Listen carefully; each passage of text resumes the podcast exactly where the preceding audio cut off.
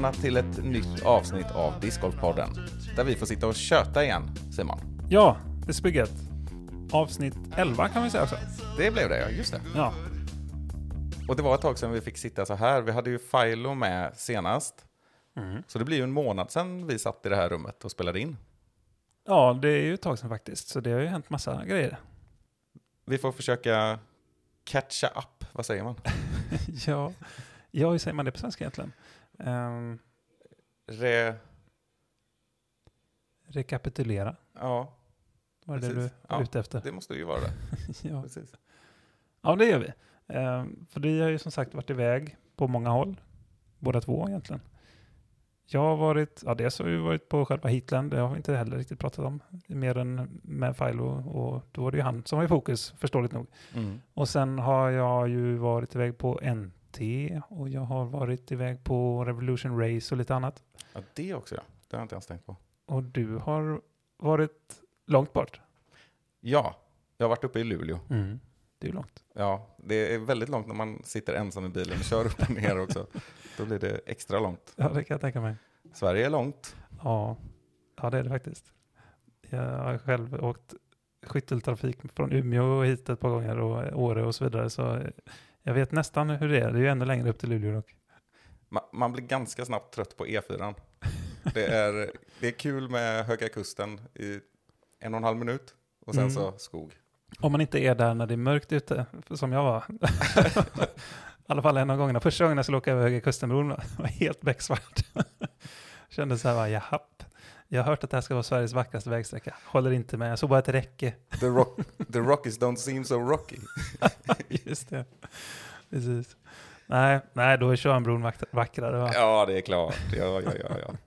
Nej, men eh, när det blir mycket skog, två plus ett väg.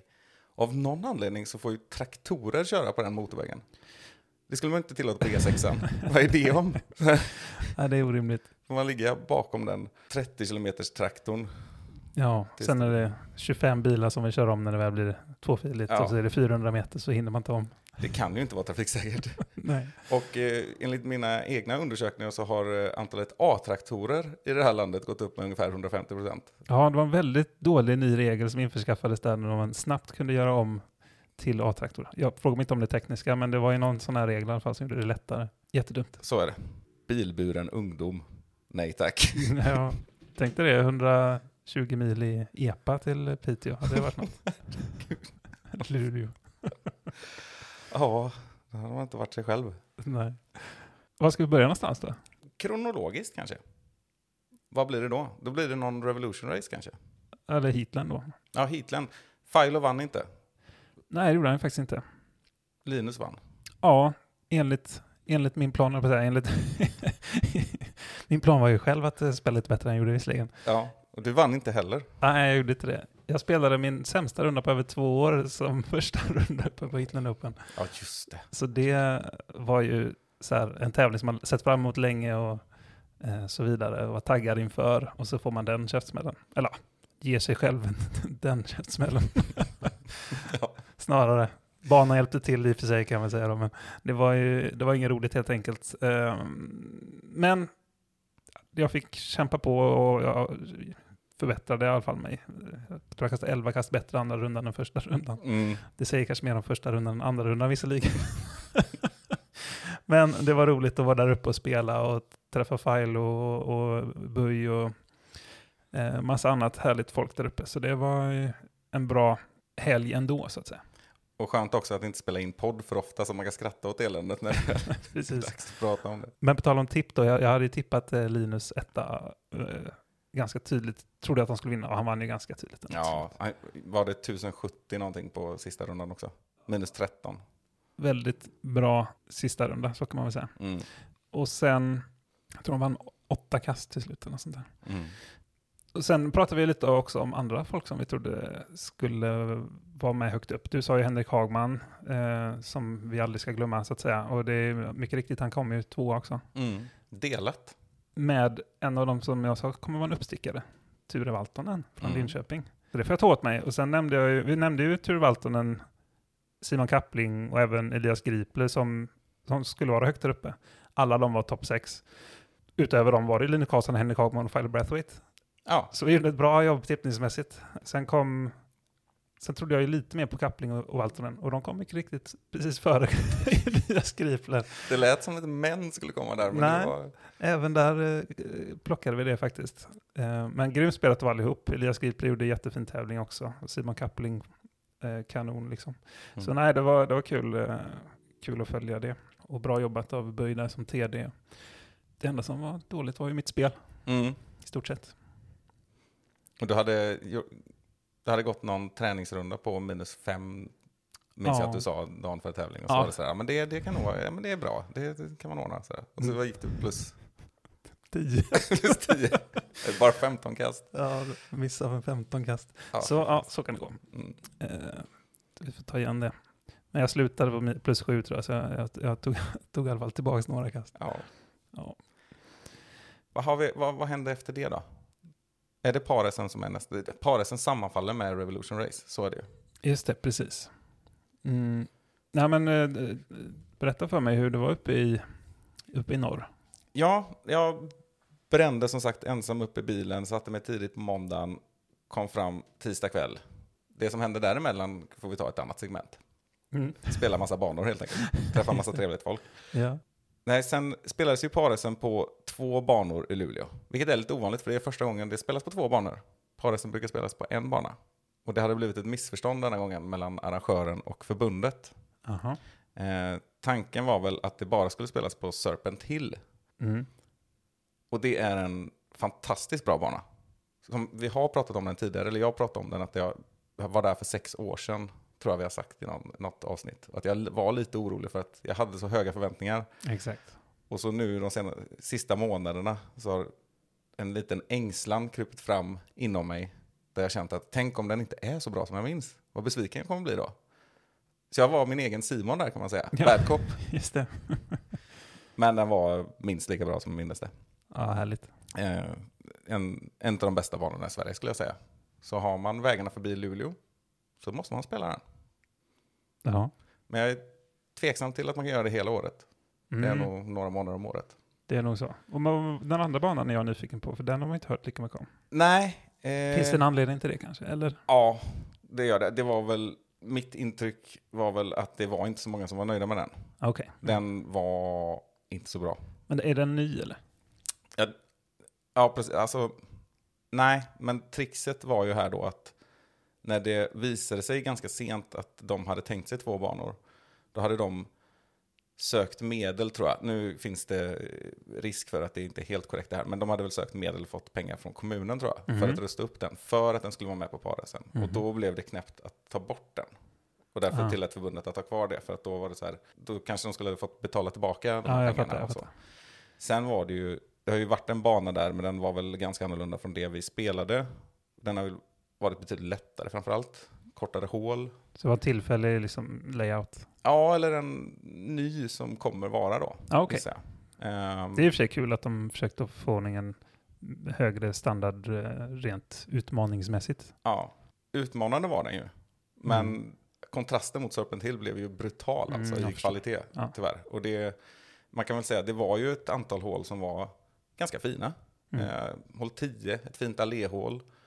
Men som vi diskuterade lite, de jag bodde med också, att även där kände man lite att ja, men bak med 10, fram med korg, par Mm. fyra. Mm. Eh, men det var två sådana här fina trädrader liksom. Det var svårt att gå från något hål och känna att det här kunde varit bättre. Och sen blev det lite dålig variation. För det var ganska många öppna bomba 130 Mm. meter. Och utöver det då ett par hål som var riktigt dåliga, tyvärr, Mm. måste jag säga. Så jag brukar säga ingen fair fairway då eller? Nej, precis. Hål 13 var ett sånt hål som var ganska obegripligt. Man skulle göra någon sorts blind Anheuser och stirrade rakt in i en gren.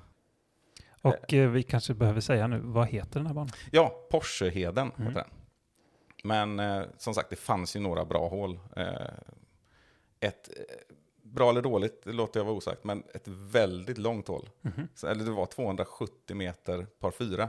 Mm. Det är ju en tuff bird, låter det som. Ja, det var inte ens möjligt i teorin för mig i nu, nuläget. Och jag och min partner var väl lite sådär att där spelar vi för par. Och då frågade jag faktiskt, och jag sa det till Anders Svärd som jag bodde med, som är ju en ganska erkänt duktig spelare, som kast- kastar långt också. Mm.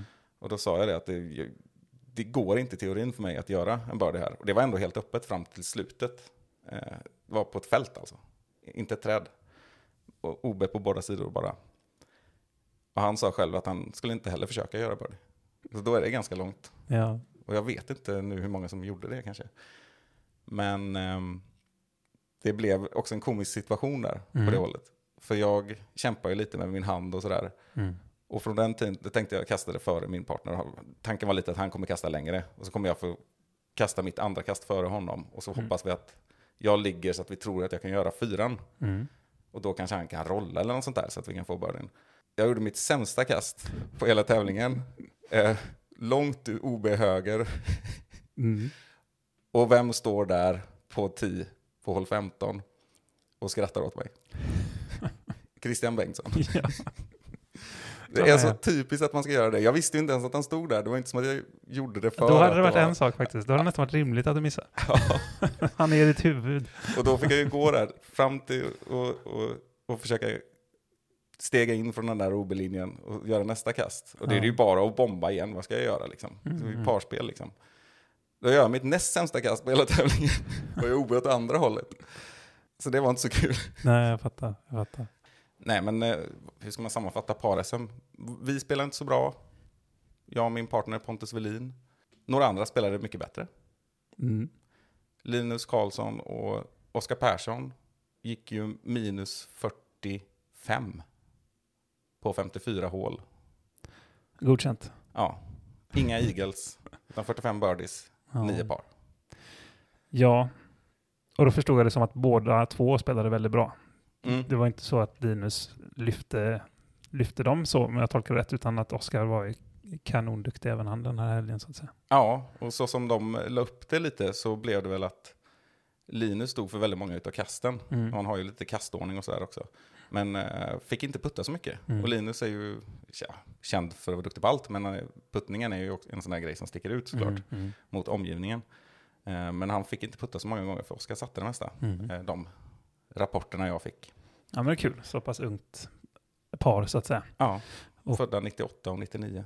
För de där strax bakom var ju lite, lite mer till åren komna. Ja, lite mer erfarenhet där Mm. med Emil Dahlgren och Jesper Lundmark.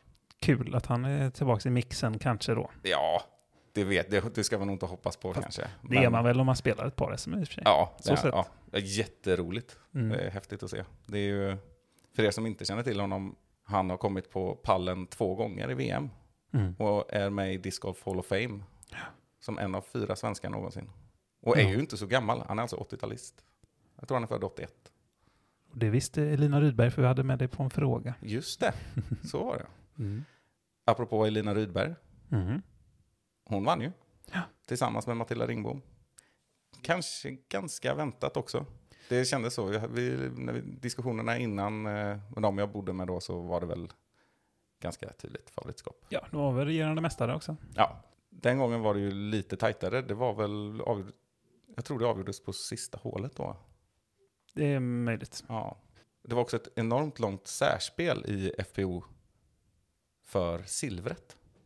Jag tror de fick spela i alla fall fyra hål, för det avgjordes på hål fyra.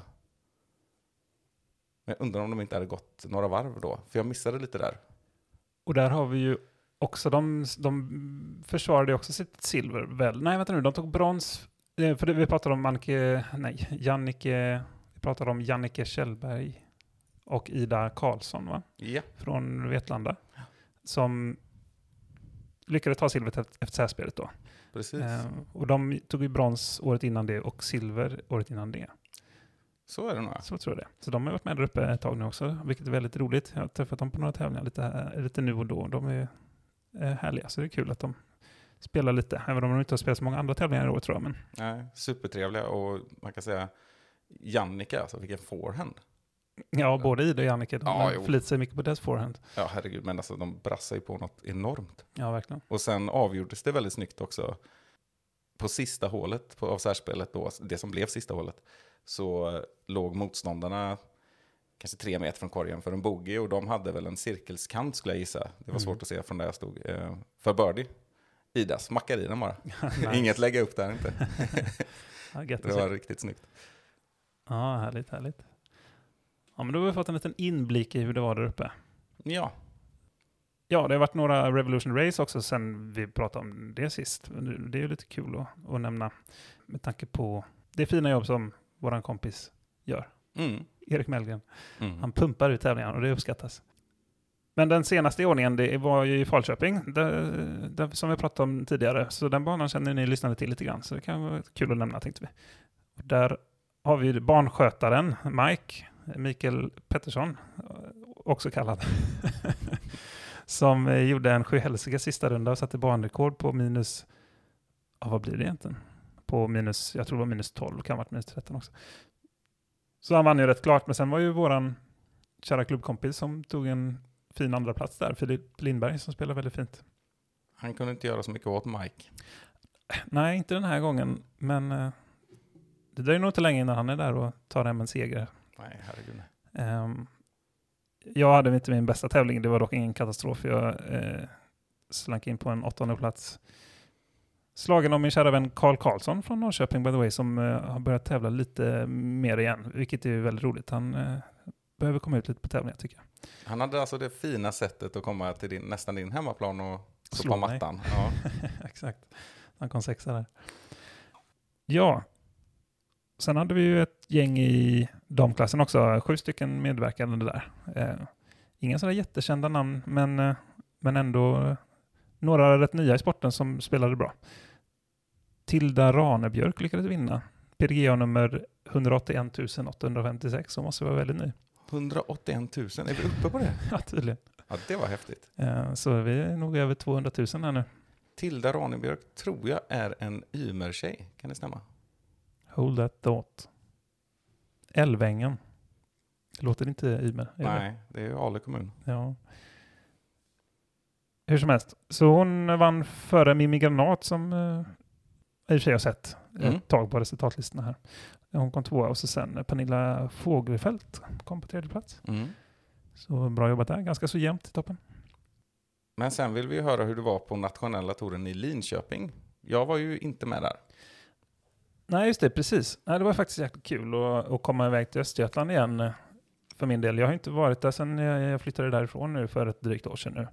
Så det är ändå lite av, ja det är min gamla hemmabana. Jag var medlem i klubben där ett tag och har spelat där eh, rätt många runder i alla fall. Det är ju en fin bana Mm. eh, som sätter eh, dig på prov även om det visar sig att många kan spela, spela många kast under par på den. Ja, Så är det ju. Men det är en del tajta linjer och rätt mycket högervridna hål så att säga. Så eh, för mig är det extremt mycket forehand där. Jag, jag räknar lite på det. Jag tror jag, jag, tror jag kastar forehand från 15 utkast eh, i stort Oj. sett. ja. Om jag jämför med Resta Gård där det är åtta utkast tror jag jag kör forehand på. Om man jämför med Christian Bengtsson som var med i toppen hela vägen i Open. Det var nog inte så många forehands, nej. Nej. Men det ryktades som att han, Christian Bengtsson, körde Tomahawk eller om det var Thummer från, från 10 på hål 3. Mm. Summer eh, kör han ju. Då är det nog en Thummer då. Mm. Det, det körde han ju ganska länge på Ale Vit hål 14. Med framgång. Se där ja. Mm. Mm, där ser man. Han har nog, tror han har sagt att han har 90 meter i sig. Det är bra, får man ju säga. Ja, och anledningen till det, för de som spelat där, så kanske inte det är ett självklart thummerhål från tid, för det är en stor lucka, eller vad säger jag, liten lucka man ska ta sig igenom. Men de har nämligen varit tvungna till att såga av många träd, så att det är sådana högstubbar där nu, på grund av granbarkborre, så det hålet ser lite annorlunda ut. Um, vilket då har öppnat upp för den typen av overheadkast från tid. Men eh, annars går man i luckan så är det fortfarande lika tajt lucka i övrigt, liksom. men inte högt upp så att säga. Och enligt Caddyboken är det ju en, eh, vad sa vi, 130 någonting meter par 4. Ja, närmare 140, ja, precis. Då kommer han ju bra på sina 90 meter. Ja, han tog säkerligen birdien där de flesta varven, antar jag. Mm. För han spelade ju bra. Vi kan ju komma till det. Han ledde väl till och med efter första rundan och eh, Efter andra rundan efter också. tror andra rundan också, stämmer nog. Ja, precis. Sen var det någon eh, yngling från Borås tror jag som stack fram. Jag vet inte, vad var han hette nu då? Eh, Hette han eh, Lotus Larsson? Nej, kan vara Linus Karlsson. Ja. Mycket riktigt, han, han gör det igen. Mm. Den här gången fick han kämpa Mm. för eh, en annan yngling från liknande krokar, eller Alingsås i alla fall, gjorde en sista runda på 1048 preliminär rating och eh, tog nästan ikapp med ett kast efter. Och då pratar jag alltså om Dennis Denka Augustsson akkurat. Eh, från Allingsås. Precis, så de två tog sig förbi Christian Bengtsson som var ytterligare ett kast efter då på tredje plats. Alla tre gjorde en jättebra tävling. Eh, Max Rogitnik fyra, ett kast ytterligare efter där då, så det var väldigt tajt i toppen. Hur såg det ut i FPO? Mm. Det ska vi kika på också. Jag scrolla förbi med mig själv och lite andra lite längre ner här i resultatlistan först. Uh, ska vi se. Jo, Johanna Larsson. Något av en skrällseger Mm. Det får man nog säga. faktiskt. Ehm, men hon tog hem det med tre kast före uh, Rut Schlissel. Ursäkta eventuellt dåligt uttal där. eh, från Stockholm. Som kom tvåa. Kul att se, lite nya namn för mig i alla fall. Om du hade varit kvar på prisutdelningen hade du kanske hört eh, namnet läsas upp. Men då satt väl du i Götene på någon vägkrog och du kanske redan var hemma. Plattan i mattan. Ja, nej, jag stannade knappt på vägen. Jag eh, åt någon trött energibar jag hade med mig och körde. Jag gjorde en dålig avslutningsrunda. Det verkar, men tre runder verkar inte vara min grej. Jag verkar göra två bra runder eller två åtminstone godkända runder och sen en dålig. Så var det i det här fallet sista rundan. Så det var ju lite tråkigt. Men, men, det är som det är. eh, Och vår kära vän Elina Rydberg ska vi nämna då, kom på tredje plats den här gången. Så hon har ju Mm. kommit etta och trea, fortsatt väldigt bra. Finns eh, god chans om eh, totalseger där. Ja, det får man ju verkligen säga. Hon är väl också en av de mer dedikerade här får man ju säga, som åker runt på alla tävlingar och det är ju en stor fördel. Mm. Eh, Det går inte att vinna tävlingar man inte ställer upp på. Eller för att citera Wayne Gretzky, I miss all the shots I don't take. Just det. Och det ju, ligger ju någonting i det. Och det är någonting som jag ska börja inkorporera mer i mitt spel tror jag också. För att jag kom på mig själv med att fega ganska mycket. Mm. Och då får man inte så många birdies om man spelar för par på alla hål. Nej, det borde vara matematiskt korrekt. ja, men å andra sidan när jag började bli lite mer aggressiv så gick det åt helsike. Så det, det, det kan ju vara en anledning till det. Det är en fin balansgång mellan att vara dålig och usel. Den där gråzonen. Det är lite som att jämföra sig själv med Macbeth. Sådär. Macbeth, parking every hole, what's the fun in that? Look at me. I'm struggling, I'm in the rough, I'm all over the place. That's fun. Men eh, jag kan känna igen mig i det ibland. Det är väl ett sätt att eh, överleva, antar jag. Mm. Intala, intala sig själv. att- ett sätt att leva. ja, intala sig själv att det är bättre än det egentligen är. Det går inte att bromsa sig ur en uppförsbacke, var det väl Sally som sa. Den berömda bibliotekarien. Mm, just det. Ja, lite sådär. Hur som helst. Det var en trevlig resa. Eh, Jag eh, vill ge en shoutout till Simon Östling också som huserade mig och var, eh, visade mig hans nya bana som han höll på att ta fram i Östra Ryd. Så det är jättekul att han har fått eh, luft under sina banbyggarvingar och eh, dragit igång hela, hela orten där verkar det som, som är involverade i det här bygget. Det är jättekul. Ja, det är bra. Ett bra Instagramkonto följer jag också om man gillar att titta på fina trädgårdshål och allt vad det kan vara. Ja, absolut. Jag har fått se det. Trevlig kille. Mm, mm. Simme Discgolf tror jag han heter på Mm. Insta. Så eh, följ honom och följ utvecklingen, på, utvecklingen i hans barnprojekt där. Den är inte riktigt öppen för spelen nu, men det, det närmar sig nog. Då har vi rabblat resultatlistor. Något vi egentligen har sagt att vi inte ska göra så mycket i den här podden.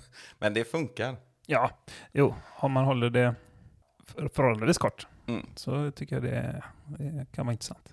Ska vi rabbla lite banor? Det har vi aldrig gjort i den här podden. Vi älskar banor i den här podden. Ja, nej, men så här är det. Vi har ju varit ute och rest och bilat. Och vad gör vi när vi är ute och reser och bilar? Vi spelar nya banor. Mm. Mm, det gör vi. Och du har fått mig att bli lite sugen på att eh, samla banor. Ja. sådär. Jag har inte riktigt eh, i närtid möjlighet att komma ikapp dig? Nej, inte med tanke på att jag fortsatt också samlar banor. Men om jag lägger, lägger mig på latsidan en stund så är det nog snabbt ikapp. Mm. Skaffa barn. till exempel. det är utvägen. Mm. Nej, men jag lyckades ju samla 17 banor har jag samlat på sen vi pratade med Filo senast. Det är två veckor då. Ja, det är bra jobbat. Mm, det är ganska bra. Sen är det ju många korta, snabba, snabba ryck.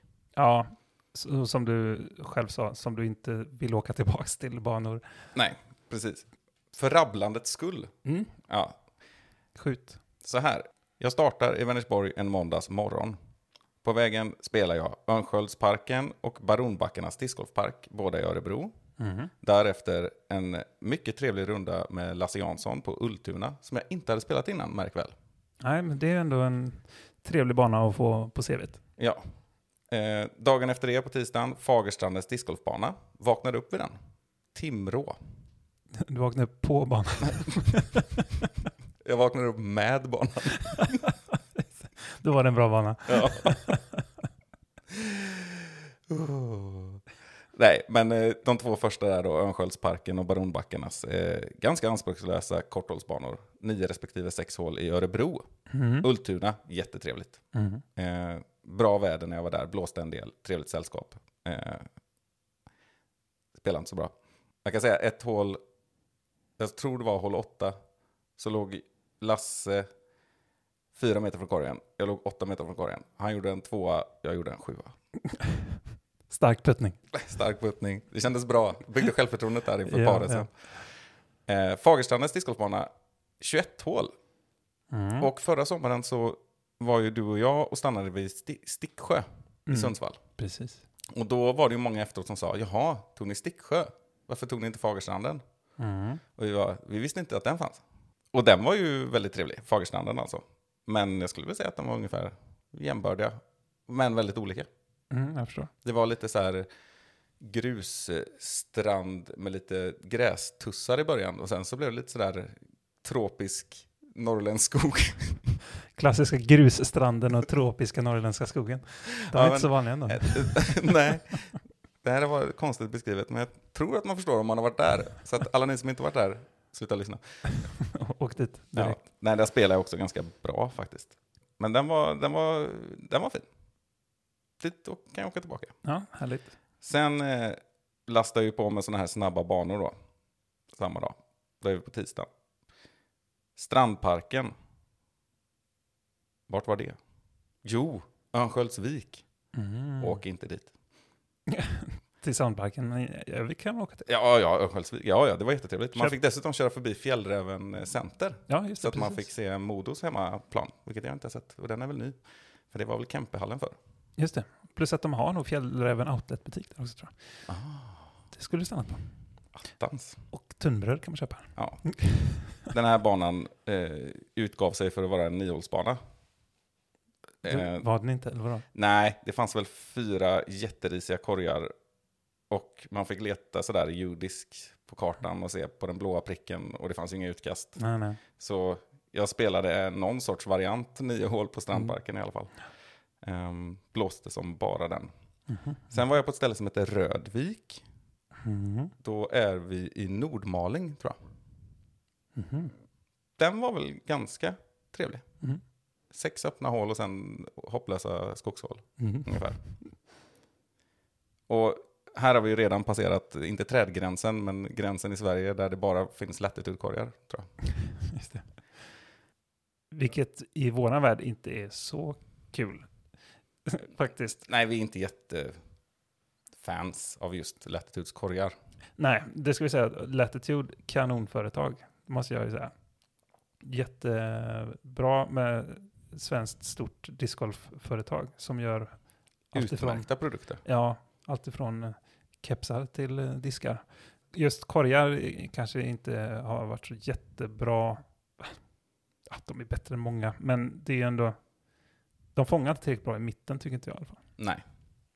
Nej, de kan fånga dåliga puttar och spotta igenom bra puttar. Men Men det sägs att de har typ så här gjort någon, någon modifikation på vissa av korgarna. Bland annat som jag tror att de hade på Worlds. Jag tror att de hade så att på något sätt innerkedjorna tajtades till på något sätt. Jag vet inte om de hade skickat ut något typ av kit med någon sån här stålring eller någonting som gjorde att, ja de har gjort någonting i alla fall och det är ju kanonbra. Och det hoppas vi att det, det blir flera korgar som får den typen av lyft. Ja, nej, och det såg man på formen tyckte jag. Mm, men det var någonting som var annorlunda liksom. Plus att man inte såg så jättemånga spits på Worlds heller. Jo, Gjorde fast det kanske inte var på de korgarna. Det var inte lätt på båda banorna va? Det var rätt tur på eh, skogsbanan. Mm, ja. precis. Nej, det var nog fan minst lika många i så fall på den öppna banan. Fan. Mulligans. Ja, fan. Minnet är bra med kort. Nej, vi får väl reda ut detta med Thomas Ekström någon gång kanske. Ja. Se om de har någon ny modell på gång. Vi hoppas ju såklart, och jag vet att jag har skrivit någon tråd någon gång, att det är, jag vill inget heller än att Latitude gör fantastiska korgar. Ja, exakt. Vi lämnar Latitude där. Vidare på resan spelade jag då Porscheheden, Hertzog Kullar, niohålsbana i Luleå. Mm. Lite onödigt att spela den när jag skulle träna in mig på SM-banorna. Men jag var ju där redan tisdag kväll. Kan relatera. Ja, men den var en sån som jag absolut skulle kunna åka tillbaka till. Mm. Men Mm. problemet är lite att som när man åker till Stockholm och så spelar man Järva och så har jag aldrig spelat så många, så många andra banor där. Mm. Att eh, är man i Luleå så spelar man ju Serpentil. Mm. Så det kommer kanske inte göra det ändå. Men den, den gav ju skäl för namnet Hertzog Kullar. Det var Mhm. några, några extremt kuperade hål. Kullar alltså. Ja, det var kullar Ja. på Hertsön. Och eh, jag vet, eh, det var hål två bland annat. Där var det, det lutade så mycket i sidled från höger till vänster. Mhm. Alltså från där man kastade, från 10 liksom, så var det den vinkeln. Och sen när man skulle gå vidare rakt till hål tre då, då kände jag att jag kommer inte ha några fotleder kvar. För det, var, det lutade så mycket så man kunde nästan inte gå där Ja, liksom. nej. Man nästan gå i sidled. Som man brukar skoja om de schweiziska korna, att de har eh, korta ben på ena sidan. Men Ja, just det. Man, får, man fick liksom ha tyngden på dalskidan. Ja. Exakt så. Ja, sen spelar jag ju några dagar där uppe på Serpentil och Porscheheden, så sen eh, hoppar väl några dagar framåt. Sen spelar jag en bana som heter David och Goliat. Det är ett roligt namn. Det är ett roligt namn och den låg i Norrfjärden. Vackert namn. Ja, och ett vackert ställe. Mm. Och nere bland väldigt fina såna här röda gamla hus och eh, det här var väl kyrkans, jag tror det var Sven- Svenska kyrkan som låg bakom den här banan. Mhm. Mhm. Nere vid, eh, jag vågar inte ge mig på vad vattnet hette. Kanske hette vattnet Norrfjärden, vad vet jag. Men eh, en niohålsbana av modellen kanske fem korgar, Mm. nio hål. Men Mycket, mycket kanske nu. ja, det, det gick fort här kan jag säga. Spelar du kanske bra? Jag kan, eh, ja, det gjorde jag faktiskt. Nej, jag gick minus fem där ja. Jo, fast minus fem, men det var två par två hål. Ja, okej. Så att, eh, Vad- Sa du inte att det var en sexhålsbana? I så fall gjorde du ace. nej, niohålsbana, Aha, men eh, sex korgar. Aha, du har Mm. rätt, ja. Mm. Och så jag gjorde väl, jag gjorde sex tvåor på nio hål. Tre, Men, men kan vi inte komma överens om här i podden att par två hål finns inte? Par två hål finns inte. Nej, så gör inte sådana. Nej, just det. Jag gjorde sju tvåor. Så nu har vi avklarat det. Mm. Men det här var också intressant nog. Klockan sju minuter över sex på morgonen spelade jag den här banan. Vänta nu, sju minuter över sex på morgonen. 6.07. Tack. Det lät så märkligt när du sa det, men det var ju rätt egentligen. Ja, men så säger man i Norrland. Ja, precis. när man dricker sin kaffeost, eller vad säger? Ja, precis. Eh, och alldeles i närheten av den här David och Goliat så fanns det en som heter Porsnässkolan. Tvåhålsbana. Jag gillar Porschar där uppe. Alltså. Där gick jag minus ett på de två hålen. Mm. Det ena var nämligen ett 27-håls par två. Jag aceade inte. 27 håls par två. 27 meters par två. Som jag inte aceade. Ja, ja, nej men det... Det... Okej. jag vet inte vad jag ska säga om det. Jag vill ha en ordentlig recension. 50% birdies, ja. helt okej. ja, faktiskt. Det, det borde vara. Det är en, det är en bra gräns. Så, Ja, ja. precis. Särskilt när eh, hälften av hålen är par tvåor. Mm. Sen var jag förbi Skellefteå en sväng, spelade svarta slingan. Och sen övernattade jag i Västerås. Jag brände alltså Luleå och Västerås på måndagen på vägen hem. Och då vaknade jag upp med Kolbäck. Just det. Där hade jag inte varit. Och det var ju en trevlig upplevelse. Ja, visst är det. Den är jättehärlig den banan. Jätte, jättefin. Alltså otroligt fint område. Mm. Och gick ju och tänkte så här, hur ska de kunna arrangera ett SM här? För det måste de ju få göra, och det blir svårt. För det är ganska många sådana här 80 meters partier på slutet. Det går väl att lösa någonting, tror du inte det? Jo, det borde ju gå. Och det får man väl rekognosera lite noggrannare än vad jag Mm. gjorde. Men känslan var sådär att, vad fasen, här är, det var liksom överlag bra tior, många jättefina hål, Mm. många jätteroliga hål. Eh, alternativ, tydlighet, fairway och ruff separa- separat. Mm. Och det är ju bra. ja, det tycker jag också är bra. Eh, nej men en jättebra bana. Och framförallt kanske då front eight. Mm. Något sånt där. Ja. Och sen jättefint på andra halvan också, men där blev det lite lättare och jag tror att jag, alltså jag gick minus 10 på den här banan, Mm. överraskade mig själv. Eh, Men det var också att jag gjorde avsluten med fem raka birdies tror jag. Mm. Ja, det låter bra, för jag har för mig att den var inte så jäkla enkel ändå. Nej, men jag hade tur någonstans Mm. och la, låg aldrig i skiten.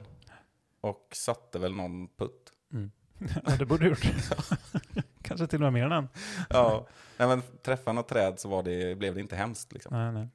nej, men vi får väl ge en shoutout till klubben här. Jag tror de heter Kolbäck Heisers. Det gör de. Eh, om att de kanske får eh, se på de möjligheterna och ansöka om SM och, och se, och kan vi göra någon master layout eller vad man nu kan kalla det för eller, eller så, så gör det för fasken. Det, det fick vi höra när vi pratade med Pontus Welin i tidigare avsnitt att de söker ju arrangörer runt om i Sverige som kan nysera tävlingar så det är väl jättebra om fler siktar på, på det helt enkelt. Ja, och alla SM-tävlingar och ingen NT-tävling kräver ju två banor. Men man kan ju slå ihop sig kanske med Västeråsklubben. Jag vet inte, det kanske är jätterivalitet där och man kan inte samarbeta. Vad vet jag. Det, men eh, annars kan man göra det och då kan man ju spela den på Hässlö och Kolbäck, tänker jag. Det Mm. borde inte vara mycket mer än en halvtimme mellan de två banorna. Nej, jag vill dock påstå att Hässlö behöver nog göra ännu mer jobb dock för att få en utman tillräckligt utmanande bana än okej. Kolbäck, tror jag. Om jag minns rätt, jag har ju spelat den, men jag har för mig att den var inte jätte, jättetuff. Nej, nej, jag har inte varit där. Nej. Men, eh, Men det finns ju absolut, det är ju en fin bana och en, eh, det finns ju möjlighet till att göra någonting där, det tror jag ju. den typen av varianter, att slå ihop, Mm. det är ju ett sätt att få fler arrangörer. Ja. Så vi väcker, vi, vi sår ett frö här. Ja, Men eh, Kolbäck vill jag åka tillbaka till Mm. väldigt mycket. mm, samma här. Sen var jag ju på en sorts styggelse som heter Ekhamra discgolfpark. Mhm. Ja, nej, men det var ju Mariestad. Och jag var så stressad. Ja, du körde den ändå alltså? Ja, jag körde den blåa 18-hålsslingan. Mm. Men där var det ju förvirrande. För där var ju, det var ju också modellen nio korgar va? Ja, 18 hål och fyra olika slingor eller något sånt där. Och när man kom till hål nio kanske, Mm, mm. Då, då man, stod man plötsligt i en djungel av tis. Det var, jag tror det var fyra olika tior riktade så här, korsande varandra inom en diameter på 15 meter. Jag var ju där för någon vecka sedan och upplevde inte samma förvirring. Det kan hända att du var trött, mer trött, förvirrad och disträ än du tror här. Ja, jag jag var så här också, jag, var, jag var, hade lite bråttom. Det här är ju bara en och en halv timme hemifrån, från 14 timmars resa. Och jag skulle hinna till veckotävlingen. Ja, svårt att njuta då kanske. Ja. Nej, men det var... Sen var det ju, var det hål 12, Simon. Här måste du ge mig medhåll. Det tajtaste mandatoryt jag någonsin har sett. Ett du- dubbel, dubbelt mandatory, max två meter i bredd och 20 meter framför den på ett 70 meters hål. Så får man inte bygga en bana. Ett hål. Jag försöker komma på vilket håll. Det var ju rätt många mandos. Men ja... mm, Vad är det det som är ett forehandhål eller? Ja, det var det nog. Till samma korg som hål 2. Ja, precis. Jo, det var ju lite märkligt. Plus att korgen var blind också. Ja, och jag ställde mig alltså och måttade lite så här att det här är, det här är max två meter i bredd alltså. Mm. Och det var ju i alla fall, ja kanske 15 meter framför 10 liksom. Ja, Det, det är ju cirkuskonster. De kunde ju lika gärna satt upp den där rockringen man skojar om. det är ju ungefär ett likadant hål i Fålehagen som många praisar till exempel. Alltså. Det är väldigt tajt mando och kort hål. Det är Ja. dock rakt, men... ehm, Här var också känslan att ja, men, man vill nog ändå försöka gå den luckan, mm. tror jag. Jag tror att det ändå var tillräckligt naturligt störande träd. Ja, jag, jag håller med att det sitter ofta dubbelmando som, som är sådär självklara om du förstår vad jag menar. Mm. Då tycker jag exempelvis att och på den, om vi pratar den här banan så var det ett par fyra tror jag som var 130 meter kanske med ett dubbelmando sista typ 20 metrarna eller något sånt. Mm. Ehm, ett sånt band då är ju på något sätt lite rimligare. För det då betyder att du, du, du styr- styrs till att shapea ett kast och, i- och i det här fallet också lite risk-reward då. Att, ja, antingen så går jag för det eller så lägger jag upp eller, eller sådär. Mm. Istället för att ha ett man då i en lucka som du i stort sett ändå måste träffa. Liksom. Ja, för det var ju mer lågt i tak, eh, försöka hitta eh, en ganska stor sweet spot skulle jag nog tro att det är. Mm. Jag misslyckades på det hållet, så jag Mm. fick väl två kast på, på mig fram till den. Mm. Men, eh, nej, men det är ju väl rimligare då. Mm. Men ja, absolut. Det som jag reagerar på dock var att hade gjort ett, jag tyckte de hade gjort ett bra jobb med, med tanke på att det var nio korgar och få ihop de hålen ändå. Eh, Mm. och eh, snyggt med liksom nya, eh, nya markeringar, nya skyltar och välskyltat och sådär Mm. tyckte jag ändå. Ja, men det var det. Jag var ju så stressad, så jag var ju på väg, när jag var på väg till de där bortre hålen, Mm. 8-9 var det jag, tror jag det var första skedet. Och sen var det ju 17-18 där också, 16-17-18 kanske. Men då försökte jag ju följa den här blå pricken på kartan och sprang till de hålen. Jag var så svettig, det var varmt och kallt. Och sen så halvvägs förbi det där fängelset Ja, det. så fick jag för mig att nu har jag sprungit för långt. Så sprang jag tillbaka 100 meter också. Och det Mm. hade jag ju inte. Så jag fick ju springa vända en gång till. Sådär. Mm, Och då det. var jag väl lite irriterad på mig själv också. Du som gammal orienterare borde lösa det bättre så att. Ja, Då hade du inte sådana digitala hjälpmedel. Eller? nej, hellre karta och kompass. ja, precis. Men eh, nu har vi pratat länge om den här banan. Ja. Den hade ju trevliga hål också. Och en, också en trevlig miljö. Mm. Eh, och den där kullen var ju spännande. Mm. Du har ju också lekt Andreas Karlsson. Ja, precis. Hoppar Karlsson som samlar vanor. Närmast nitiskt. Långt förbi gränsen för nitisk skulle jag säga. Med all Ja. kärlek. Ja, exakt så. Exakt så. Vi önskar det fanns fler som samlade banor. Mm.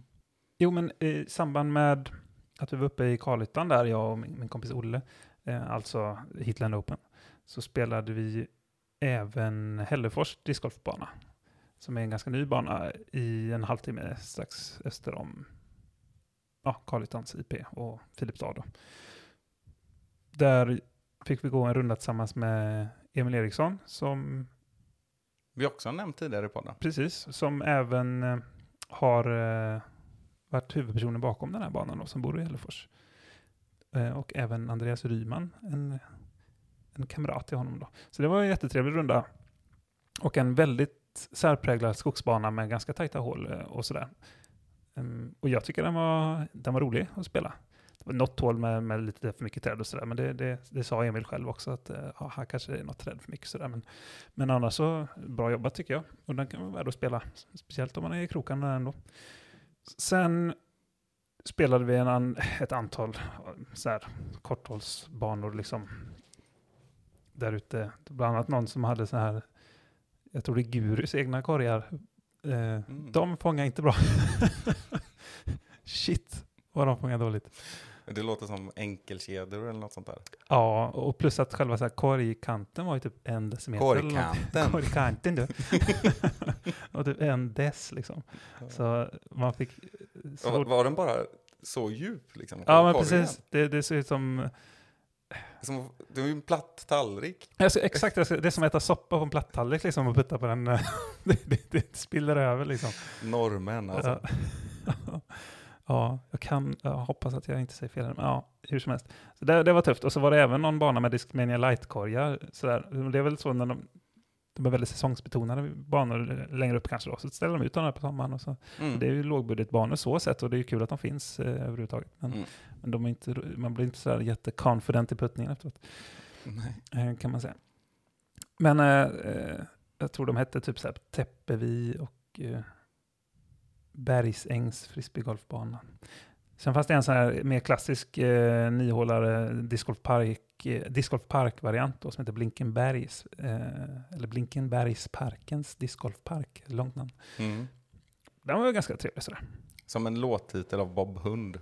Ja, ja, precis. Jag var två centimeter från att gå minus nio på den. Sista, sista hålet så missade jag en typ 20 meters putt som var, tog i bandet där uppe. Det var, så det hade ju varit ganska snyggt faktiskt. Så, ja. vi tävlade om någonting där, jag kommer inte ihåg då. Men just det, vi tävlade om vem som skulle få eh, våran, min, min och Olles gemensamma vän Kim Sjö som caddy. Den som gick bäst. Jag vann. Tack Kim för att du hjälpte mig att bära min väska. Och sen i samband med NT'n då, när jag var i Östergötland, så eh, ja, jag bockade av ett par sådana här liksom, inte knappt värda att nämna, liksom, det står en korg och så är det typ tre utkast. Liksom. De är Mm. inte så roliga. Liksom. Men eh, jag var i Grebo, strax utanför Linköping, på väg, man kör väg 35 tror jag, på väg mot Åtvidaberg. där. Mm. Den är också ganska ny. Och, ja, men den var, den var liksom trevlig, trevlig att lira. Och så här snyggt inramat med bra, bra korgar och så har de liksom skaffat en sån egen logga, så här Grebo discgolf typ, så här, som man har satt på både eh, korgarna och på T-signsen och sånt där. Så, så plus i kanten, det ser liksom trevligt ut. Ja, det gillar vi. Sen var det väl ett par hål som var, så, som det, det är nästan alltid, jag tycker. det är inte många banor som är utan dåliga hål. Alltså, men, Nej, nej, nej. men eh, så det var något sån här par fyra som var liksom, stod, det var en, en tallskog mellan dig och korgen liksom. Det var, Ja, okej. det var liksom ingen riktig fairway sådär. Men eh, sen gjorde jag eagle på ett annat par fyra i och för sig, men det var ju så kort par fyra liksom. Det var i förhållande till resten av hålen så var det ju rimligt att ta ett par fyra om man säger så. Då. Men eh, trots det gjorde jag bara minus fyra. så jag kunde ha gjort lite bättre från mig. Ja, så det var väl ungefär det. Ja, så förutom då Simon Östlings bana som vi pratade om då, med Östra Ryd, där fick jag ju spelat också. Ja, just det. Det var kul. Jag glömde ju en bana. Och den var lite speciell. Eh, Efter att jag hade varit där på David och Goliat och den andra tvåhålsbanan i Norrfjärden så kom jag till Piteå Mm. och tänkte jag tar inte den här Guldkusten tror jag den heter, deras 18-hålsbana. Just det. Eh, det orkar jag inte riktigt med. Klockan var trots allt bara kvart i sju fortfarande på morgonen Just det. när jag kom till Piteå. Men då tänkte jag, ja, Norrstrand, niohålsbana, mellan en camping och vattnet. Mhm. Trevligt. Det här bränner jag snabbt. Tar lite putters med mig. Det låter Eh. som att du, det var mer utmanande än du tänkte. Ja, det var det. Den, den, var ju, den skulle jag kunna åka tillbaka till. Den var trevlig. Mhm. Eh, ganska mycket öppet, men så kom man till 10-1 då. 101 meter. 10-2, 92 meter. Håll 3, 116 meter par 3. Eh, håll 4, 119 meter par 3. Och så var det en 81 meter och en 68 meter och sånt där. Men det var, Där Håll gick du runt med en P2 och en Rhino typ? Eller? nej, jag hade faktiskt med mig några. Jag gjorde faktiskt birdie på håll 6 som var 119 meter. Eh, Snyggt. Ja, det, ju, det var väl max och så min 40 max meters putt. just nu. putt ja. Eh, det var något sånt. Håll 8 var 138 meters par tre. Ja. Så att man fick pumpa på ganska bra där. Mm. Man, eh, eh, jag insåg redan efter hål 1 när jag tittade igenom att här får jag värma upp lite mer innan jag fortsätter på hål 2. ja, Vi ställer mig och swinga lite. Men Norrstrand i Piteå alltså. just det. Absolut. Åk till den. Gött. Ska vi hoppa vidare Ja, programmet? vi tar en vignett. Det är ju så att det kommer ett EM också. Ganska snart. Så pass snart så att vi kommer inte hinna ha en till podd innan det. Just det. Eh, och vi ska inte kanske bli jättelångrandiga, men jag tror inte att det kommit ut så himla mycket information än om till exempel vilka svenska inslag vi har och så med oss på Europamästerskapet. Som går i Tjeckien på en bana som heter Konopiste för de som spelar Open. Och Precis. alltså MPO och FPO. Eh, och på en intilliggande bana för de som spelar åldersklasser. Mm. Det är häftigt. Det är en bana som vi inte har fått se på länge. Undrar om det inte var 2018? Ja, så kan det nog vara. Det var då som Igel och Lisotte, eh, nu spoilar vi en tre år gammal tävling men då de tampades runt så minus 16 varje runda eller något sånt där. Ja, det var, de kom ett och två där. Ja, och det är ju en ganska exklusiv bana, för den finns ju inte permanent, så vitt jag vet. Nej, den ligger ju i Frans Ferdinands eh, kungsträdgård eller vad det nu kallas. Ja, det är något sånt där Europ- kolonialt sagoslott liksom, och så en stor park. Mm. Och jag tvivlar på att det har varit någon tävling i lägre status än typ Eurotour. Nej, nej, men precis. De, de huserar eh, inga C-tiers direkt. Nej, det tror jag inte i alla fall. Och då är det så att hittills så har varje EM varit en och samma tävling. Alltså att man har två open-klasser, man har juniorklasser och man har masterklasser. Men det här året, eller egentligen då förra året, för det här är ju uppskjutet från förra året, så delades det upp i tre olika mästerskap kan man säga. Mhm. Alltså European Open. Nej, det ena heter bara European Disc Golf Championship tror jag. Mhm. Och eh, så har vi junior och så har vi master. Så det är tre olika mästerskap. Men eftersom Konopisti kan eh, husera alla tre samtidigt så valde man att första året ha dem vid samma tillfälle. Men kommande år så kommer ju till exempel då eh, någon som är 17 år kunna spela upp i Open också, om den är tillräckligt bra. För då spelas det kanske olika tider av året, precis som SM har delats upp i år också. Då. Så kan Christian Bengtsson vinna båda, eller Anders Svärd eller något sånt där. Mhm. Du förstår vad jag menar. Eller Linda Emanuelsson för den delen. Mm. Eh, men i juniorklasserna här då, då är det helt enkelt två stycken och det är upp till 19 år. En dam och en herr.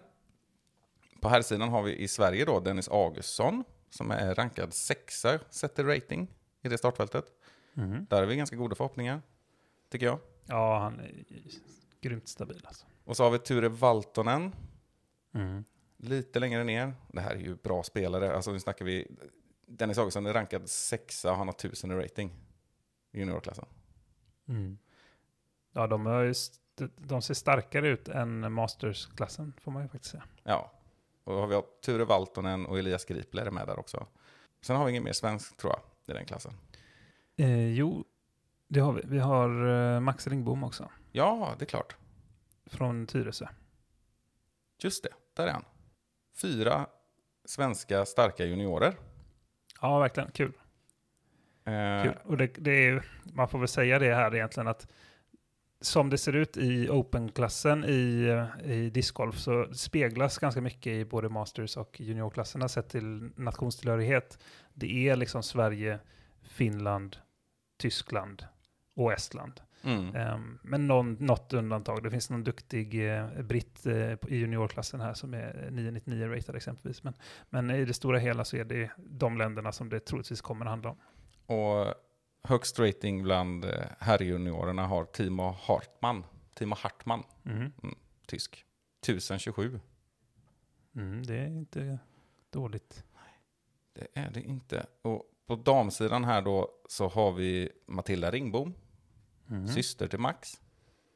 Som är bland de högst ratade va? Tredje högst Mm. på 8,85 och då är det ganska tajt där. De är på 8,98. Eh, en finska som heter Olivia Kindstedt och sen har vi en polack som har 8,86 och så Matilda då på 8,85. Mm. Och det där är ju intressant, för det här kan ju skilja rätt mycket från länder också med rating och sånt, och i sådana här åldrar och vilka tävlingar de spelar, så det behöver inte sägas jättemycket. Ja, man vet inte. det vi vet är att eh, vi ska hålla tummarna för Matilda i alla fall. Ja, vi vet att hon, att hon kan kasta. Ja, det vet vi. Och hon är enda svenska. Mm. Så här behöver vi bara hålla en tumme.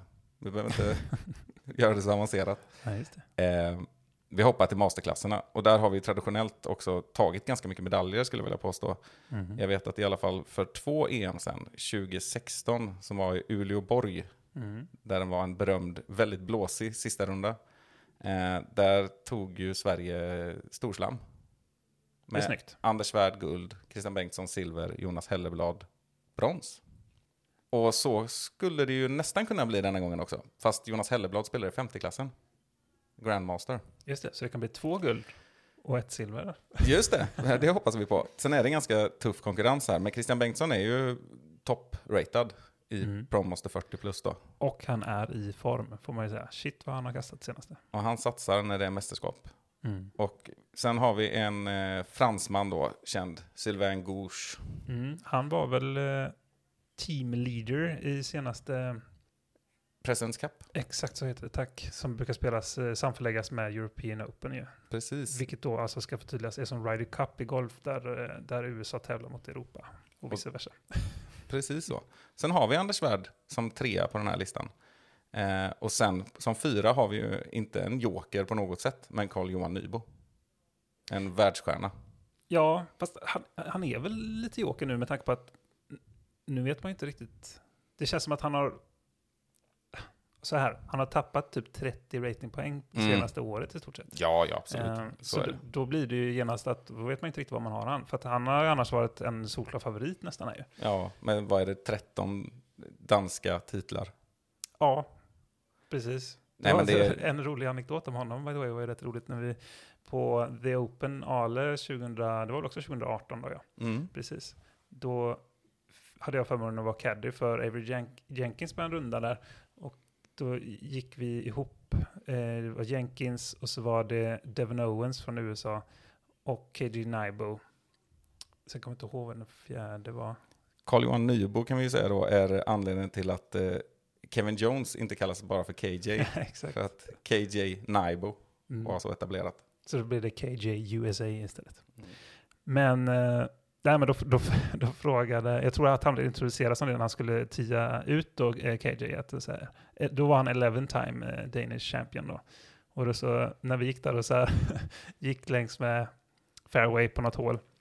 Så blev det så här lite, lite tyst som det kan bli ibland. Och så skulle Devin Owens bryta tystnaden så här eh, med KJ. Så sa han så här. So, 11 time Danish champion. That's not bad. How many times in a row? 11. och så sa han bara good answer och så gick han vidare. Så jag tyckte det var rätt roligt. Ja, Carl-Johan Nybo har jag sprungit på också själv några gånger och det är en, verkligen en supertrevlig kille alltså. Ja, och ja, det visst. tror jag, jag tror inte ens det finns, jag, jag har aldrig hört någon hemsk historia om honom eller någonting. Det här är en genuint bra, härlig snubbe. Ja. Han är ju youtuber numera, Just det. det måste vi ju titta på. Ja, jag har faktiskt inte hunnit med det, men det borde man göra. Nej, han är jätteödmjuk och härlig. Eh, Jag hade också tillfälle att prata med honom lite där. Så, och en jätteskön caddy hade med sig också, by the way. Ja. Jag vet inte vad han heter nu. Men han fick springa och spotta på hål fyra bland annat när han skulle försöka ta igen där. Du vet, uppe på Ale Gul pratar jag om. Ja, ja, spotta ja. Det var några tokar där som gick eh, över skogen. Just det. Amerikanare. Och danskar. Ja, just det. Mm. Men eh, nog om det. Ja, eh, apropå jokrar får vi väl slänga in Henrik Wahlman och Joakim Östling i den mixen också. Absolut. Det är ju kapabla personer. Det finns ju massa habila spelare i den här klassen. Alltså, masterklassen är ju känd för att vara inte så himla... Det är liksom inte en gubbklass, även om vi skojar om det. Vi har Ståle Håkstad, vi har Juhani Vainio, vi har Ville Pippo, vi har Josten Håland. Alltså, de kan kasta frisbee. Ja. Ja, det kommer bli tufft, men vi hoppas på höga svenska placeringar även där. Damer, Master 40. Har vi Linda Emanuelsson, ett namn som dyker upp flera gånger här. Mycket erfarenhet, Mhm. internationellt spel. Inte så hög rating i förhållande till startfältet här, men eh, det behöver inte betyda så mycket när det väl är igång. Men sen har vi också Pia Andersson. Jöp, Så det är kul.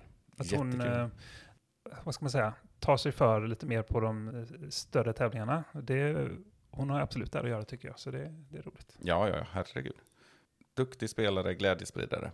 Ja, verkligen. Och båda är i Göteborgsbundna va? Stämmer. Mm. 360 spelar han för. Vi hastar lite vidare här. Jonas Helleblad pratar vi om. Han är rankad tvåa i Pro Master 50. Där har vi också några kända namn. Carlos Rio, för de som varit med ett tag. Spanjor, Mhm. men han var bosatt i Norge väldigt länge. Just det. Så har vi en till svensk. Rickard Kappling, Jajamän. också förekommit i discgolfbanan förut. Ja, och på discgolfscenen i allmänhet. Mm. Ett bra tag. Mycket spännande. Han är ju dessutom femte rankad. Mm. Så vi har andra och femte rankade i den klassen också.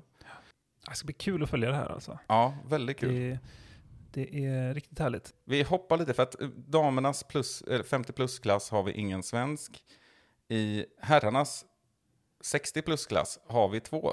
Joakim Gran och Mats Råberg. Joakim Gran tog ju hem ganska övertygande SM-titeln i den klassen. Mm. Väldigt övertygande. Det var väl, ja, det var väl storslam. Vad tydligt i alla fall. Ja. Ja, med en sån här riktig legendklass där vi har Derek Robbins. Han är också Disc Golf Hall of Fame tror jag.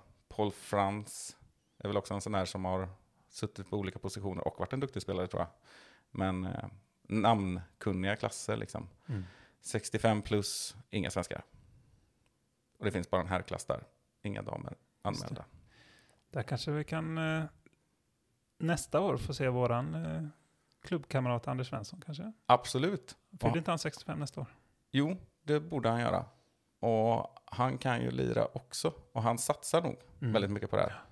Ska jag inte outa honom? Vi får ha med honom någon gång istället så får han säga det själv. Men han är ju sugen Mm. på det här. Vi hoppar till open-klasserna här. Mm. Och det kommer väl vara klasserna som många följer. Det roliga är väl på sådana här mästerskap att man kan följa mycket mer, för det blir ju just svenskt och man hejar och håller tummarna. Mm. Men här kommer ju ganska stora namn in på scenen. Gör ju det. Vi börjar med FBO, damerna. Där har vi ju ganska mycket stjärnglans, men jag tycker inte att vi sticker ut hakan om vi tillsammans här skulle komma fram till att det är en topptrio som är favoriter. Och det beror ju på att de är världsnamn helt enkelt.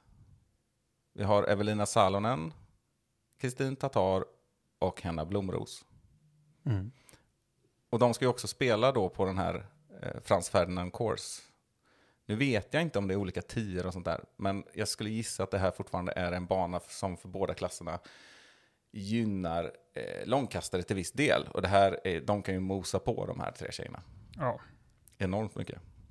Ska jag nämna att det är, ja, om jag har räknat rätt här, 17 olika nationer i FPO. Det tycker jag är ganska imponerande ändå. Det tycker jag också. Och 39 deltagare.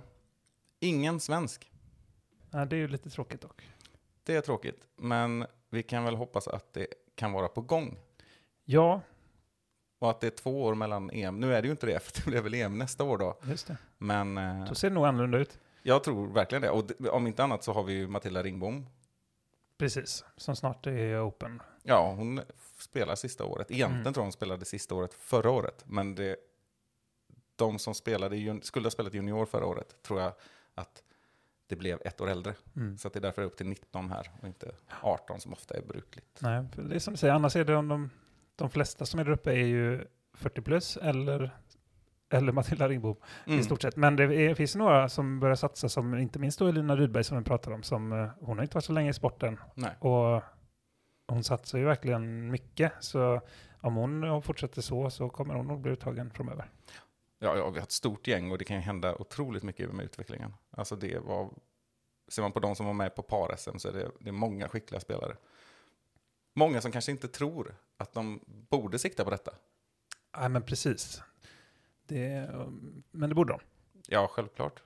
Vi hade kunnat prata ganska mycket om det här, men det känns, du håller med mig om att det är ju de här tre som eh, sticker ut. Sen har jag inte jättebra koll på schweiziskan Tabea Wallus eller Heidi Laine från Finland. Jo, henne har jag väl lite koll på kanske. Ja, och Lycke Lorentzen, det är väl hon som, hon har väl gått och gift sig va? Så, stäm, så är det. Mm. Så, och, så hon har man lite koll på, Prodigy-sponsrad, duktig, har varit och tourat lite, lite grann tror jag, innan covid. Mm. Ehm, så hon eh, kan man nog eh, ha hyfsade förväntningar på. Ja, Antonia Faber vet jag också har viss erfarenhet. Hon var väl med på The Open och kom ganska högt tror jag. Tyska. Mm, just det. Det, det är intressant, men jag tror att det är en särskild stjärnglans på den här topptrion som de flesta håller med om. Mm, Och mm. som jag hoppas att jag får chans att se. Ska vi hoppa till herrarnas Open då? Gör vi. Har vi någon stjärnglans där, Simon? Ja. Framförallt har vi största namnet är ju Simon Lisotte. Men inte den högsta ratingen. Nej, där har vi en annan tysk till och med. Så där har vi dubbel favoritskap får man ju säga. Den ena på eh, eh, stjärnskap och erfarenheter och den andra på väldigt hög rating. Men också, han har också varit med länge, så sett. Liknande PDA-nummer som du va? Ja, han är, var lite före mig. 53 Just det. började det på. Precis. Och du har, 57. det får väl klassas som liknande. Ja, det är ganska liknande. Men det där var ju säkert två år mellan Det, också. det gick inte lika snabbt då, nej. Nej, precis. Precis. Men han är ju 1050-ratad, Marvin Tetzel. Enligt uppgifter till Discgolfpodden också en duktig spelare.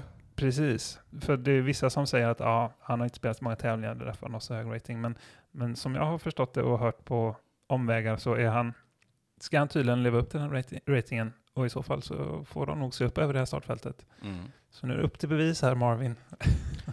Och på tredje plats i den rankingen så har vi en svensk, men vi kan återkomma till svenska grejer. Mm, ja, vi kan eh, fortsätta vara lite internationella här. För här kan man ju namedroppa stjärna efter stjärna efter stjärna. Och det gör vi gärna. Det får bli lite dropping det här avsnittet, men, men i det här fallet så är, är det för att eh, skapa ett intresse kring den här eh, tävlingen, och det vill vi. Och då kan vi ju säga att vi har en del finnar, och det är inte, det är inte särskilt oväntat. Men förutom, eller ja, högsta, Den finnen med högst rating är Väinö Mäkelä i detta Mm. fallet. Strax bakom har vi Niklas Antila och han är inte gammal. Nej, Och han är väl regerande finsk mästare, kommer fram till. så är det. Sen har vi, hoppar vi lite ner där då, då har vi ju Seppo Pajo, ett världsnamn. Mm. Eh, och 2019 var han väl under en period, skulle jag säga, en av världens bästa spelare. Ja, Under våren där. Ja, han är- fel. tappat lite tyvärr, men, men han eh, går ju aldrig att räkna bort. Nej, och han är alltså rankad 10 i det här fältet. Mm. Och har bakom sig Albert Tam. Eller lika med Albert Tam. Exakt. Bazooka Tam. Som också är ett känt namn. Ja. Eh, och däremellan så har vi den isländska Innova-sponsrade Blair, tror jag han uttalas. Eller Blair kanske vi vill säga då. Blair Örn Asgeirsson, någonting i den stilen. Från Reykjavik då, var annars. ja. Kan man tänka sig. Nej, och sen så alltså, scrollar vi. Vi får ju scrolla ner. Och ändå, alltså vi har ju liksom, vi har Jalle Stor som gjorde en känd igel på VM 2019. Mhm. Emporia. Alltså en storspelare har ju också Presidents Cup Mm. eh, erfarenhet och sånt där. Vi har Öyvind Jarnäs som också visade framfötterna i USA före pandemin. Peter Lunde, båda de är ju norska då. På tal om norska också, eh, Knut Håland är ju 1020 ratad också. Ja, precis. Ja, Silver Lätt, vad är han? 25 rankad liksom. Det här är ett enormt starkt startfält. Ja, det är det verk- verkligen. Och det ska bli väldigt trevligt att följa. Har du någon koll på om man kan följa och i så fall hur? Nej, inte just nu. Vi får nästan komplettera det på något sätt på Mm. sociala medier. Vi får återkomma om detta. Jag har fått frågan förut och ändå inte riktigt kollat upp det. Men det skulle förvåna mig om det inte går att följa. Det borde ju vara någon typ av... Åtminstone borde... post-coverage liksom. Ja, det, det förutsätter jag. Mm. Nej, men vi kan väl nästan lämna detta med stjärnglansen, fast ändå inte. För det fortsätter med stjärnglans när vi tar upp de nio svenskarna, får jag det till, som är med i Open startfältet. Ja, exakt. Så det är kul. För det första vill jag säga att det är väldigt kul att det är så pass många som är med ändå. Att Sverige har eh, skickat med och satsat på så pass många spelare här. Som nio stycken. Sen har det varit lite, det blir ju lite märkligt i och med att det är uppskjutet. Och eh, sådär. Så det kanske är vissa som har tackat nej och vissa som har utvecklats den senaste tiden som inte har fått möjlighet att få plats och sådana här saker. Ehm, men det är som det är. Där tror jag att det ändå utökades lite startfältet för att nya stjärnskott skulle få chansen att komma med. Mm, ja, men det är bra. Ja. Hur som helst. Men, men eh, ja, det vi kommer till att det, det, det, det blir lite speciella omständigheter i och med situationen. Liksom, ändå, Absolut. Men, men det är ju härligt med de som är med här. Och eh, vi har ju den självklara ändå, får man ju säga. Eller, Lotus Larsson var det va? Nej, men Linus Karlsson är med. Och han är ju en möjlig medaljkandidat får man ju säga. Ja, han har tredje högst rating i fältet och frågan är om inte det hinner gå upp innan det här spelas också. Ja, det återstår faktiskt att se. Jag har kollat lite på det där faktiskt. Och han tittar under sin rating på NTN nu sist, fastän han vann till exempel. Så, eh, men, men han kommer ligga där om, omkring i alla fall. Så är det. Och vi har även eh, Henrik Hagman, som eh, vi i podden aldrig räknar bort, har vi kommit fram till. och så även den här gången. Han har en högsta nivå som är väldigt, väldigt bra. Vi har Robin Willman, heller ingen skräll att han är med egentligen. Duktig långkastare som vi känner till. Simon Kappling, SM2an från Linköping är med. Vi har eh, Josef Berg, något av ett stjärnskott från Borås. Jag fick spela med faktiskt nu i, i, på NTN sist. Det var trevligt att spela med honom. Sen eh, har vi även Oskar Persson då, som tog SM-guld i dubbel då tillsammans med Linus som vi vet. Och vi har Anton Lind som många känner till. Känd långkastare från Härnösand. Vi har Max Rudjetnik från Kanada tänkte jag säga, men eh, han, eh, där är, han har en svensk mamma va? Ja, svensk medborgare. Ja, exakt. Ja. Precis. Från uh, Huserar Örebro. Så det är, eh, det är kul och han verkar ha hittat formen nu efter en lite tung eh, start eh, på säsongen. Men nu har han börjat spela riktigt bra. Spelade fint på NT nu sist. Och, Gjorde ett fint ace. ja, verkligen. Det får ni kolla in på DGTV. Uh, shoutout till dem som eh, lägger mycket tid på disc golf coverage. Det gillar vi. Sen eh, har vi Ah, Det var inga mer va? jo, vi har ju den eminente Rickard Sköld. Tackar, tackar. Ja. Ja, Välkommen till podden. ja, tack. Eh, nej, men jag är ju också med här som, eh, inte nionde spelare tror jag inte faktiskt, men eh, jag blev ju uttagen till förra årets tack vare att jag var ganska duktig 2019. Ja, verkligen. Du förtjänar platsen eh, till 100 procent. Ja, nej men och då, i det fallet så var det ju så, alltså vi kan gå igenom lite hur man, hur man kommer med i detta. Hur blir man uttagen? För det här är ju landslag. Det är Sverigetröjor och det är mästerskap. Häftigt. Ja, och då kan man ju säga, för det första då, så som jag har förstått reglerna, de var ganska krångliga eh, för hur det skulle vara. Men open startfältet för herrarna var helt enkelt 100 platser. Ingen nation får ha fler än 10 spelare. Sen hur man hamnar där, det beror på lite olika sätt. Men ungefär halva startfältet var vikt åt det som kallas för national spots. Mm. Och det är väl alltså platser som en förbundskapten kan ge till vem fanken den vill. Mm. Och vi har ju en förbundskaptens duo då, med Martin Rasch och David Svärd som är assisterande. Linköping, Västervik. Ja, Eller ja, egentligen är det Fornåsa tror jag som gäller nu för För. Martin Rasch. stämmer nog. Eh, Östgöte i vilket fall. Mm. Ungefär hälften av platserna är alltså sådana här national spots och den andra hälften är då individual spots, individuella platser. De, de platserna som, om vi säger att det var 51 eller 49 som är individu- individual spots, de var helt enkelt, som du skulle uttrycka det, up for grabs med de Mhm. med hög rating. Just det. Eh, och då blir det ju så att Sverige hade tre national spots. Och då kunde vi få med ytterligare sju spelare på här sidan. Och det var de med högst rating. Men här måste man också godkännas, eller bli nominerad som det kallas då, av förbundskaptenen. Så att man, spela inte en tävling och tro att du blir uttagen till EM baserat på en hög rating, bara så. Utan de gör väl någon sorts hastig bedömning på något sätt från fall till fall då, att ja, men det här är, funkar liksom. Man kanske behöver vara något sånär etablerad i alla fall. Ja, lite så. Och jag var väl vid det här tillfället för uttagningen eh, femte högst rankad. Med 990 någonting, 997 kanske. Mm. Ehm, och sa att jag var intresserad, för det var ju såklart. Mm. Och fick den platsen, helt enkelt. Inga konstigheter. Sen har det flyttats ett år. Jag har blivit skadad, sjunkit lite i rating. Saker händer. Ja. Eh, jag var rankad 37 tror jag vid uttagnings, av, av bland de 100 som var uttagna då. Mm, i, just det. över, över alla. Ja, det, nationer då. det är såklart olyckligt att, att du inte fick spela där när du var i din fina form, eh, som du var framförallt i början av förra året. Spelade du hur bra som helst. Ja, det Men, gjorde jag eh, kanske även 2020 lite.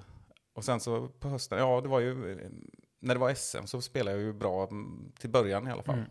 Eh, och tog en sjätte plats och så. Men, eh, och det var väl i de krokarna som EM skulle ha varit helt enkelt. Ja. Ungefär samma datum eller samma månad. Men det är ju mycket man kan tänka om, om, om och hur och så vidare på grund av den här pandemin. Men det är ju fantastiskt häftigt att det överhuvudtaget blir av nu. Att man, får behålla era platser, det är någon som vill och, och liksom att det här eh, kommer ske då nere i Tjeckien här. Det blir ju jäkla grej alltså. Ja, och sen får jag ju säga då angående min medverkan att jag har ju liksom i nuläget, jag har inte gett upp sådär liksom, men ärligt talat så 37 kommer jag nog inte kunna bli i nuvarande skick. Eh, och jag har ju liksom gått runt hela året och ja, varit lite stressad också. Hade det här varit ett annat år och jag inte hade fått chansen första gången att spela ett EM med Sverige-tröja på mig så hade jag nog lagt ner den här säsongen Mm. och inte försökt så mycket och siktat på 2022. Men med detta liksom så har jag haft det där hela tiden att jag försöka bli bra i tillräckligt god tid, tillräckligt bra för att det ska vara värt att åka och så vidare. Eh, och inte annat så måste jag ju ge platsen till någon annan har jag tänkt. Jag måste kanske Mm. i juni meddela att nu, ja, någon annan får ju åka som har bättre möjligheter. Mm. Sen har det ju hänt saker och det har blivit en del som har tackat nej också. Mm. Och förbundet kom fram till någon gång i maj tror jag, meddelades att om spelare som anmäler nu inte åker så kommer de inte ersättas. Och det var ju lite skönt för mig då. Då kände ju inte Ja. jag den där pressen att jag hoppar av för att jag tar någon annans plats, om man säger så. Då. Samtidigt så har jag ju inte blivit så mycket bättre liksom i handen och armen. Men, Men du kan ju ändå spela, har det visat sig. Jag menar minus 10 på Kolbäck liksom, Ja, jo, till exempel. men det var ju... Mm, jo, men eh, det är inte konopister. Det är problemet att det Nej, är lite... Det är ingen bana i Sverige som är... Nej, det är det väl inte. Det, det vi anspelar på då är väl avstånd till exempel. Alltså det Mm. kommer bli omöjligt för mig att göra birdie på ganska många hål. Mm. Eh, vilket gör att det blir väldigt svårt att göra låga scorer. Min plan är ju egentligen att åka ner och få erfarenhet, heja på mina lagkamrater, eh, få bära Sverigetröja Mm. och bygga erfarenhet liksom. Mm. Det, Ja, häft, en häftig grej liksom. Hade Ja. det inte varit eh, som situationen är så hade liksom jag kanske åkt med utan att spela till och med för att det hade varit en häftig liksom, ja, men verkligen. inramning. Ja.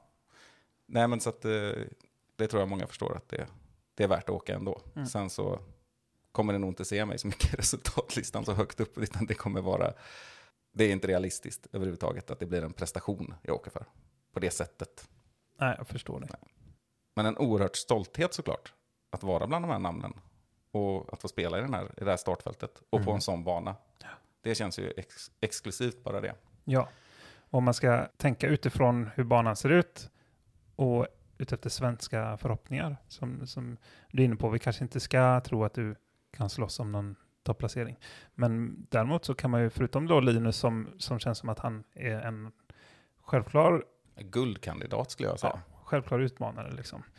Så har vi även, i och med att banan ser ut som den gör, så vill jag ju påstå att till exempel Anton Lind som är 977-ratad ganska långt ner i fältet trots allt har en chans att, ja, inte slåss om pallen, det tror jag inte, men, men spela jäkligt bra på den banan. Mm. Och, och även Robin Willman som är också känd för att ha en, en bössa liksom. Och, och såklart Josef Berg. Ja. Det det, det är tre bössor det. Ja, jag känner man, när man läser på namnen igen här, alla kastar långt. Alla kastar långt, utom Ja. en. det är någon här som maxar 110-115 meter just nu, eh, tyvärr. Han är från Vänersborg tror jag. Ja, just det. Ja, jag vet inte. Är det, är det mig du pratar om? Nej, du, du har nog lite längre där. Ja, knappt. Men ja, jo, jag, jag, jag kan nog faktiskt kanske säga att jag kastar längre än dig just nu faktiskt. Men, ja, eh, det tror jag. men eh, det, annars är det inte så. Lars Jäger från Schweiz, borde inte han eh, byta förnamn till Frans? ja, det är klart.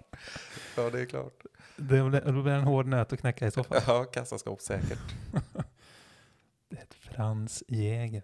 Det är gött att han är från Schweiz också. Det känns som, Basel också. känns som att Nej, Zürich hade varit det mest perfekta Ja, kanske. exakt. Det är ju där de, de har någon typ, de har väl kända bankvalv där nere, har de inte det? Jo. På tal om eh, roliga namn, det finns en som heter Josh Birmingham från, från, eh, från eh, England. Som inte är från Birmingham, utan från London. Det är ju konstigt. Ja, vad är det för skit? Det, det är nästan som att det skulle, Jack London, den kända eh, författaren, skulle vara med. Men han är väl inte från Birmingham? Nej, Det precis. finns ingen logik. Sen, sen kan vi säga, apropå det här med uttagningar och så också, så finns det ju ett system som på många andra mästerskap i många andra sporter för att få med många nationer. Det är ju fortfarande lite av ett problem kan man säga Mm. eh, inom discgolfen. Att det, framförallt är det ju USA som dominerar och sådär. Men här är det ju i alla fall ett system som då gör att eh, det finns ju många väldigt duktiga finnar som Mm. inte är med. Och det är ju Precis. tråkigt på sätt och vis, men ändå tio stycken som fick vara med. Jag, Jag tycker det det är är tio med, men- helt rätt i den här typen av sammanhang. Här har vi 22 nationer tror jag, om jag räknar rätt, på här sidan. Det var ju 17 på dam, damsidan sa du va? Jo, det var det jag kollade, för när jag var då femma i Mm. Sverige i Mm. tillfället, då hade jag varit rankad 44 i Finland. Det är rätt galet faktiskt. Ja. Ja, så hade det inte varit sådana här begränsningar så hade det ju varit minst halva startfältet finnar. Väl? ja, det betyder att de har ungefär 40 stycken 1000 plus ratade i Finland. Då, någonstans där. Mm. Mm. I alla fall då. Men eh, nej, och Ja, då, det är nog fler nu i så fall. Så att säga. det som också är roligt här då, det är ju att det kommer ju med lite mer obskyra nationer sett till discgolfsammanhanget. Vi har två britter med, men de har ganska hög rating. Mm. Det är inte blåbär på det sättet. De har 969, 968. Men eh, vi har då, Bland annat Josh Birmingham. just det, vi har en irländare med, med 890 i rating. Men jag, jag tror att det var så här, eh, jag kan ha fel, men jag tror att det var så att alla nationer som har minst en spelare med över 800 i rating har en plats. Mm. Eh, alla har kanske inte utnyttjat det, men vi har ju en irländare, en holländare, en belgare, en italienare, en spanjor, en kroat, en ukrainare, säger man kanske? Mm, det gör man nog. Ja. En litauer och en lettländare. Det är några som är, eh, två polacker. Ja, ni förstår, det blir ganska många och några av de här har ju en relativt låg rating och det är väl de här jag ska hålla bakom mig idag. Ja, det får du göra. Du får ha det som, eh, ha det som huvudmål. Ja, Och vi kommer prata mer om det här, eh, kan vi nämna kanske. Att Ja. eh, det här är liksom uppläggen kring olika stora internationella tävlingar. Och hur vi tycker att det ska se ut och hur det faktiskt ser ut. Och vad det finns för möjligheter i framtiden och sånt där. Så det blir en liten cliffhanger. Mhm. men det blir spännande med EM i alla fall. Ja, shit, det kommer bli väldigt spännande. Jag får återkomma med mina intryck. Mycket, kanske också från sidlinjen tänker jag.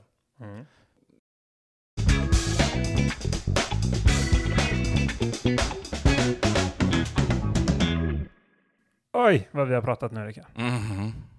Man blir alldeles trött i stämbanden. ja, men det känns som att det varit eh, bra info. mycket info, mycket rabblande. Mm. Får se om vi kanske lyckas återkomma med någon gäst nästa gång. Ja, det har varit roligt. Eh, Vi lovar ingenting. Vi får se lite hur det Ja. blir i våra planeringar här. Vi har ju mycket om oss och kring oss. Och kanske någon lek hade varit kul också. Vi får se. Mm. Vi får se. På tal om lekar. Ja, Vi har ju gjort ett spel eh, som i, i samband med våran podcast här, som, eh, eller samarbete med våran podcast kanske man kan säga. ja just det. Vi har samarbetat med oss själva. Ja, Så det, det är klädsamt. det går så jäkla snabbt och Ja. smidigt. Och, ja, men det, och det heter ju Starframe då. Vilket är ett kortbaserat eh, discgolfspel som man har med sig ut på banan. Som vi har ju faktiskt ett gäng liggandes här. Vi har varit ganska dåliga på att eh, berätta det här. Men det är väl dags nu att, att marknadsföra det lite. Vi hade ju det i vår fundraiser Mm. i ett paket. Precis. Och det blev ju några över. Exakt. Så där kan man kontakta oss helt enkelt väl? Ja, men gör det. Gör det om ni vill, eh, om ni vill testa eh, och lira det här. Det kostar liksom som en disk i stort sett, så det är liksom inga jättesummor. Vi vet hur många vi vet hur mycket pengar ni lägger, lägger på diskar där ute. så Ja, det ska ni veta. Nej, men Vi är eh, skyldiga också. ja, man kan kontakta oss via mail eller sociala medier. Ja. Det går jättebra. Är man nyfiken, hör av er bara. Ja, absolut. Och med det så säger vi adjö för den här gången. Ja, ajöken fröken.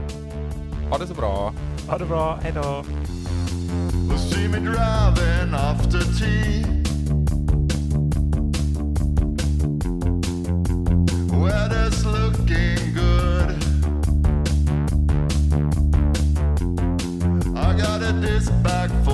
Tricks.